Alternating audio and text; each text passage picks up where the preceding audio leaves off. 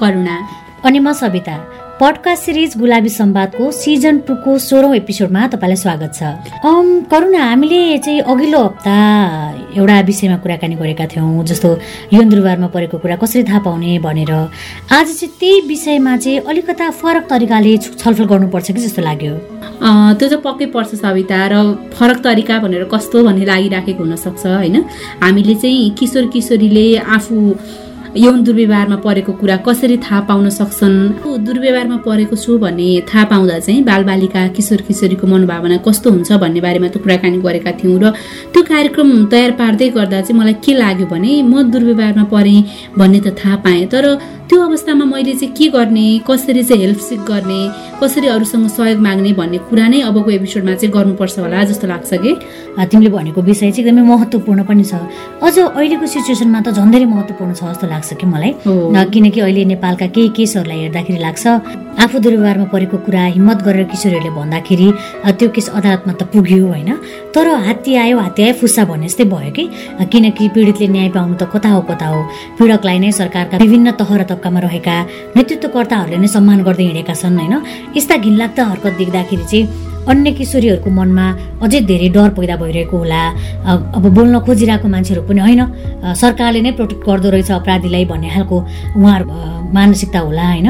त्यही भएर पनि हामीले हेल्प सिकको बारेमा चाहिँ आजको एपिसोडमा कुराकानी गर्दैछौँ। त्यही भने सविता अब कति गाह्रो अवस्था पार गरेर चाहिँ आफूले भोगेको दुर्व्यवहारको बारेमा चाहिँ किशोरीहरूले कतिपय अवस्थामा किशोरहरूले पनि होइन बोलेका हुन्छन्। तर उनीहरूको बोलीलाई चाहिँ त्यत्तिकै दबाइन्छ होइन। उनीहरू जो पीडित हुन् उनीहरूलाई चाहिँ उल्टै ब्लेम गर्ने। अब यस्तो गर्दाखेरि उनीहरूको मानसिकता कस्तो होला त्यो त हामीले सोचेकै छैनौँ होइन। हामीले इमेजिन पनि गर्न सक्दैनौँ कि त्यो कुराहरू चाहिँ। एकदमै करुणा। यदा कदा यो दुर्व्यवहार बलात्कारको केसमा पीडितले आवाज उठाए तापनि कतिपयलाई चाहिँ आफू दुर्व्यवहारमा परे भन्ने थाहा पाएपछि कसरी यसको बारेमा अरूलाई भन्ने कसरी सहयोग माग्ने त्यसको लागि को हुनसक्छ आफूलाई विश्वास गर्न सक्ने मान्छे भन्ने नै थाहा हुँदैन। जसले गर्दाखेरि अझै ठुलो समस्यामा चाहिँ किशोर किशोरी परिरहेका हुन्छन्। त्यही कारणले गर्दाखेरि उनीहरूलाई मेन्टल्ली कति धेरै प्रब्लमहरू पनि आइरहेको हुन्छ नि त। र यो कुरा चाहिँ हामीलाई एकजना बहिनीले पठाउनु भएको ब्लगबाट पनि थाहा हुन्छ कि सविता? उहाँ दस कक्षामा पढ्दा बलात्कारमा पर्नुभयो होइन? तर उहाँले यो कुरा चाहिँ कसैलाई पनि भन्न सक्नु भएन र मलाई लाग्छ झन्डै चौध पन्ध्र वर्षपछि चाहिँ उहाँले गुलाबी सम्वाद टिमसँग चाहिँ आफ्नो कुरा सेयर गर्नुभयो। सेयर त गर्नुभयो होइन? तर अहिले आएर चाहिँ उहाँलाई केही हदसम्म हल्का पनि भयो होला। तर ती बलात्कार गर्ने मान्छेलाई चाहिँ सजाय दिलाउन उहाँलाई ती मान्छेको अनुहारसम्म पनि याद छैन कि? त्यही त करुणा। यदि उहाँले त्यति बेला नै कसैसँग हेल्प माग्न सक्नु भएको भए होइन अथवा आफ्नै आमालाई बुवालाई भन्न सक्नु भएको भए अथवा प्रहरीलाई नै भन्नुभएको भए पनि ती व्यक्तिले त सजाय पाउँथे नि त होइन त? पक्कै पनि पाउँथे सविता। त्यही भएर पनि हामीले चाहिँ हाम्रा बालबालिकाहरूलाई समयमा नै सहयोग माग्न आफूले भोगेको दुर्व्यवहारको बारेमा चाहिँ बोल्न सक्ने बनाउन चाहिँ एकदमै आवश्यक छ कि।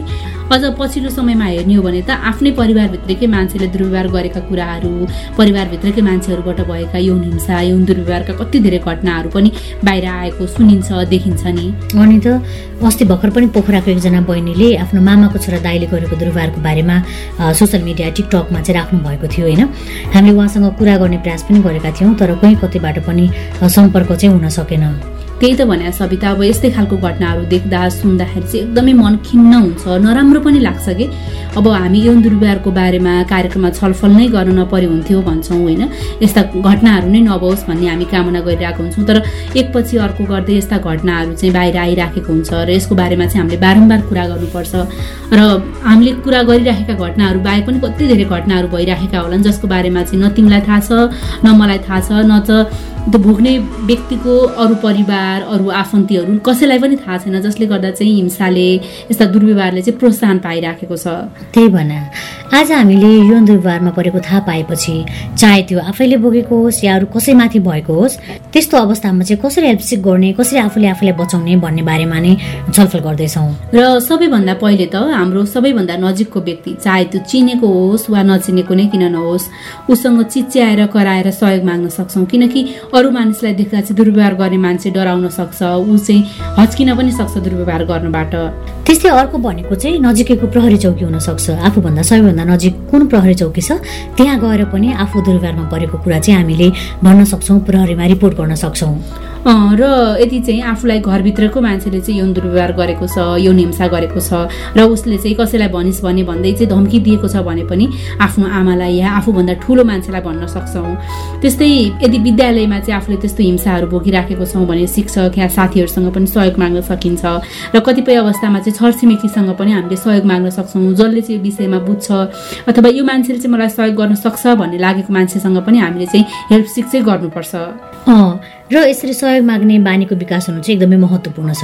र किन महत्त्वपूर्ण छ भनेर सुनौ है त एकैछिन। रिजना भट्ट जो चाहिँ सिभिनमा कार्यरत हुनुहुन्छ उहाँको कुरा। सबैभन्दा पहिला हामी बालबालिका किशोर किशोरी सबैले चाहिँ आफू नजिकको व्यक्ति आफूले विश्वास गर्न सक्ने व्यक्ति को को हुन्छ भन्ने कुरा चाहिँ सधैँ आफूले पहिचान गर्नुपर्छ। र सबैजनाको लागि एउटै व्यक्ति हुन्छ भन्ने छैन। जस्तै कतिको लागि घरमा बुबाहा नै बुवालाई नै हामीले आफ्नो सबै कुरा सेयर गर्ने व्यक्तिको रूपमा लिन सक्नुहुन्छ भाइ बहिनीले भने कतिले सक्नुहुन्न? किनभने कतिजना भाइ बहिनीहरू बुवाबाटै दुर्गुबारा राख्नु भएको छ होइन? कतिजना आमाबाटै पनि राख्नु भएको छ। त्यसरी आफ्नो विश्वासिलो पात्र को त भन्ने कुराको पहिचान चाहिँ बालबालिका स्वयंले गर्नुपर्छ सबैभन्दा पहिला कुरा। र सँगसँगै हरेक बालबालिकाले आफ्नो साथीहरूसँग जसले चाहिँ आफ्नो कुरा गोप्य राख्न सक्छ आफूलाई मद्दत गर्न सक्छ त्यो साथीहरूको पहि पहिचान गर्नु अति नै आवश्यक छ। र सँगसँगै आफ्नो वरपर रहेका सङ्घ संस्थाहरू विभिन्न चाहिँ बाल संरक्षण समिति बाल अधिकार समितिहरू छन् ती व्यक्तिहरू को को छन् भन्ने पनि पहिचान चाहिँ हामीले बालबालिकालाई गराउनुपर्छ ताकि उहाँहरूले सहयोग दिन सकोस् सँगसँगै बाल हेल्पलाइन दस नौ आठ छ। यदि आफूलाई आफ्नो परिवारभित्र पनि कोही सिक्योर लागिरहेको छैन छिमेकीहरू पनि कोही सिक्योर लागिरहेको छैन विश्वासिलो लागिरहेको छैन कहिलेकाहीँ बाल संरक्षण छ बाल समिति पनि त्यहाँका मेम्बरहरू पनि भनौँ न विश्वासले लागेर अथवा पहिचानै भइरहेको छैन भन्ने एटलिस्ट हरेक बालबालिकाले बाल हेल्पलाइन नम्बर दस नौ आठ मात्रै पनि उहाँलाई याद भयो भने उहाँले आफ्नो फोन गरेर अथवा चाहिँ एप्सहरू कसैले डाउनलोड गर्नुभएको छ एप्समा भए पनि आफूलाई चाहिँ दुर्व्यवहार लागेको सङ्केत अथवा दुर्व्यवहार भएको अथवा दुर्व्यवहार परिसक्नु भएको छ भने पनि विभिन्न सहयोगको लागि चाहिँ उहाँहरूले सहयोग माग्न सक्नुहुन्छ। त्यसैले अभिभावकले बालबालिकाले शिक्षक शिक्षिकाले सबैले चाहिँ हरेक बालबालिकालाई बाल हेल्पलाइन नम्बर दस नौ आठ चाहिँ कण्ठ गराउनु अति नै आवश्यक भएको छ अहिलेको अवस्थामा। किनभने हामी कहाँ कहिले कतिखेर दुर्व्यवहार पर्छौँ भन्ने कुराको चाहिँ पत्तो नहुँदो रहेछ। र परिवारभित्रै पनि धेरै सबै अहिलेको विभिन्न अनुसन्धान हेर्नुहुन्छ भने पनि हामी हेर्छौँ भने पनि सबभन्दा बढी चाहिँ हामी आफन्तबाट चाहिँ दुर्घटना परिरहेका छौँ। त्यसले गर्दाखेरि हाम्रो विश्वासिलो पात्र को हो भनेर सबैजनालाई याद राख्नुपर्छ। र त्यसपछि प्रहरी सय त्यसपछि बाल हेल्पलाइनका नम्बरहरू चाहिँ हरेक बालबालिकाले याद राख्नु पर्यो। हजुर। मान्छेलाई चाहिँ कस्तो लाग्छ भने मैले म माथि भएको दुर्व्यवहारको बारेमा भने भने मलाई नै ब्लेम गर्छ तिमी नै नराम्रो भन्छ भन्ने एकदम किशोर किशोरीको मनमा त्यो छाप बसेको छ होइन हामीले तिमीले नै केही गर्यो कि भनेर पनि भनिरहेको हुन्छौँ आफ्नो बच्चालाई होइन? यस्तो कन्डिसनमा चाहिँ उसले हेल्प सिक गर्न किन आवश्यक छ? हेल्प सिक गर्न गर्दाखेरि चाहिँ उसलाई के कस्तो कुरामा चाहिँ सहजता हुनसक्छ एउटा हाम्रो हामी हाम्रो परम्परा संस्कृति र हाम्रो आनी बानी सबै कुरालाई हेर्छौँ भने हामी नेपाली भनौँ नेपालकै कन्टेक्समा छौँ त्यसैले। हामी हामी आफन्तले छुता या आफन्तले चाहिँ जे भनौँ अगाडि आफ्नो अगाडि ल्याउँदाखेरि हामी माया गरेको अनुभव गर्छौँ। हामी चाहिँ अलिकति नजिक हुन खोज्ने त्यो खालको हाम्रो व्यवहार छ र जसले गर्दाखेरि हामीले एकचोटि छुँदाखेरि पनि ए मलाई माया गर्नुभएको त हो नि। काखमा आएर बसेन भन्दा माया गरेको त हो नि। गाडीमा पनि हामी सहज रूपमा चाहिँ कसैको काखमा राखिदिनलाई हाम्रो अप्ठ्यारै लाग्दैन। हाम्रो अभिभावकलाई हामीलाई सानो बालबालिकालाई त्यहाँबाट स्टार्ट हुन्छ है दुर्व्यवहार भन्ने कुरामा यादै हुँदैन पहिलो कुरा। र भन्दाखेरि पनि त्यतिमा त माया गरेको हो नि त। दाडी जुङ्गाली घुटिरहेको अवस्थामा पनि त्यो माया गरेर गरेको हो नि त भन्ने उत्तर पाएपछि उसले पहिलो दोस्रो तेस्रोमा माया माया माया भन्ने सोचिरहन्छ र पछि त्यो नै ठुलो रूपले लिएको धेरै घटनाहरू छन्। र एकदमै तपाईँले भने जस्तो हाम्रो अभिभावकले चाहिँ रुच त्यो हरेक कुरालाई छोराछोरीको कुरालाई पचाउन त्यसलाई चाहिँ सहज रूपमा लिन सक्नु भएको छैन। किनभने हामीले हाम्रो इन्भाइरोमेन्ट चाहिँ साथीको जस्तो बनाइरहेका छैनौँ परिवारमा। यदि आमा बुवा दाजु भाइ दिदी बहिनी चाहिँ साथी जस्तो बन्दो हो त उसले अरू कहीँ गएर आफ्नो कुरा चाहिँ भन्नै पर्दैन थियो। सहज सुभा त्यहाँ भन्थ्यो र ऊ त्यो सिकाएर पर्दैन थियो तर अब अहिले मैले भर्खर भनेको दस नौ आठ अथवा सय जुन नम्बरहरू भने दस नौ आठ बाल हेल्पलाइनमै त मात्र फोन गर्नुभयो भने पनि एक त बुवा आमालाई काउन्सिलिङ आवश्यक छ र यो कुरा किनभने कसैले पनि बताउन सक्दैन कि मेरो छोरालाई दुर्व्यवहार भयो मेरो छोरीलाई दुर्व्यवहार भयो भन्ने कुरा होइन। अहिले त एकदमै बालक पनि दुर्व्यवहार परिरहेको कुरा बलात्कार परिरहेको घटनाहरू धेरै आइरहेको छ। त्यसैले छोराछोरी दुवैको कुरा गरिरहेको छु मैले। मेरो छोराछोरीलाई दुर्व्यवहार भयो भन्ने कुरा बलात्कार भयो भन्ने कुरा पचाउन चाहिँ हामी अभिभावकलाई साह्रै नै गाह्रो छ। तर त्यो कुरालाई परामर्श दिनको लागि मनोसामाजिक चाहिँ परामर्शको लागि यदि लिगल्ली जानु पर्यो कानुनी रूपमा पनि जानु पर्यो भने पनि सहयोगको रूपमा बालक अथवा बालिकालाई परेको त्यो जसले भोग्नु भएको छ उहाँलाई पनि काउन्सिलिङको आवश्यकता पर्छ। त्यो काउन्सिलिङको लागि या अरू किसिमको सहयोगको लागि चाहिँ बाल हेल्पलाइन दशमावासले पनि मद्दत गरिरहेको हुन्छ। होइन? सँगसँगै अहिले म तपाईँले भन्नुभयो बाल अधिकार समितिहरू पनि छन् भने उहाँले पनि कहाँ कसरी गर्न सकिन्छ त? किनभने उजुरी मात्र गर्नु या भन्नु मात्र चाहिँ सल्युसन होइन। मैले मेरो आमालाई या मेरो बुवालाई मलाई यो भयो है भनिसकेपछि के त वाट नेक्स्ट होइन? उहाँले सुनिदिनु भयो सुनिसकेपछि त्यो अनुसारको चाहिँ अब रिपोर्टिङ गर्ने हो कि या उसलाई चाहिँ हुन लागेको छ भने कोही आएर गरिरहेको छ भने उसलाई चाहिँ सचेत गराउने हो कि? कसरी गर्ने भन्ने कुरा सहयोग गर्यो भने नै आमा बुवालाई भन्न मन लाग्छ। हजुर। त्यस्तो अब आफू दरबारमा परेको छु भन्ने चाहिँ थाहा छ होइन बच्चालाई? एउटा किशोर किशोरलाई थाहा छ अथवा एडल्टलाई पनि थाहा छ। तर उसले चाहिँ सहयोग माग्न सक्दैन। सहयोग माग्न नसक्दाखेरि उसले आफू आफ भित्रभित्रै जलिरहेको हुन्छ उसलाई गाह्रो भइरहेको हुन्छ पीडा भइरहेको हुन्छ। यो अवस्थामा चाहिँ उसले के कस्तो अप्ठ्यारोहरू भोग्नुपर्ने हुन्छ? हेल्प चाहिँ गर्न नसक्दाखेरि।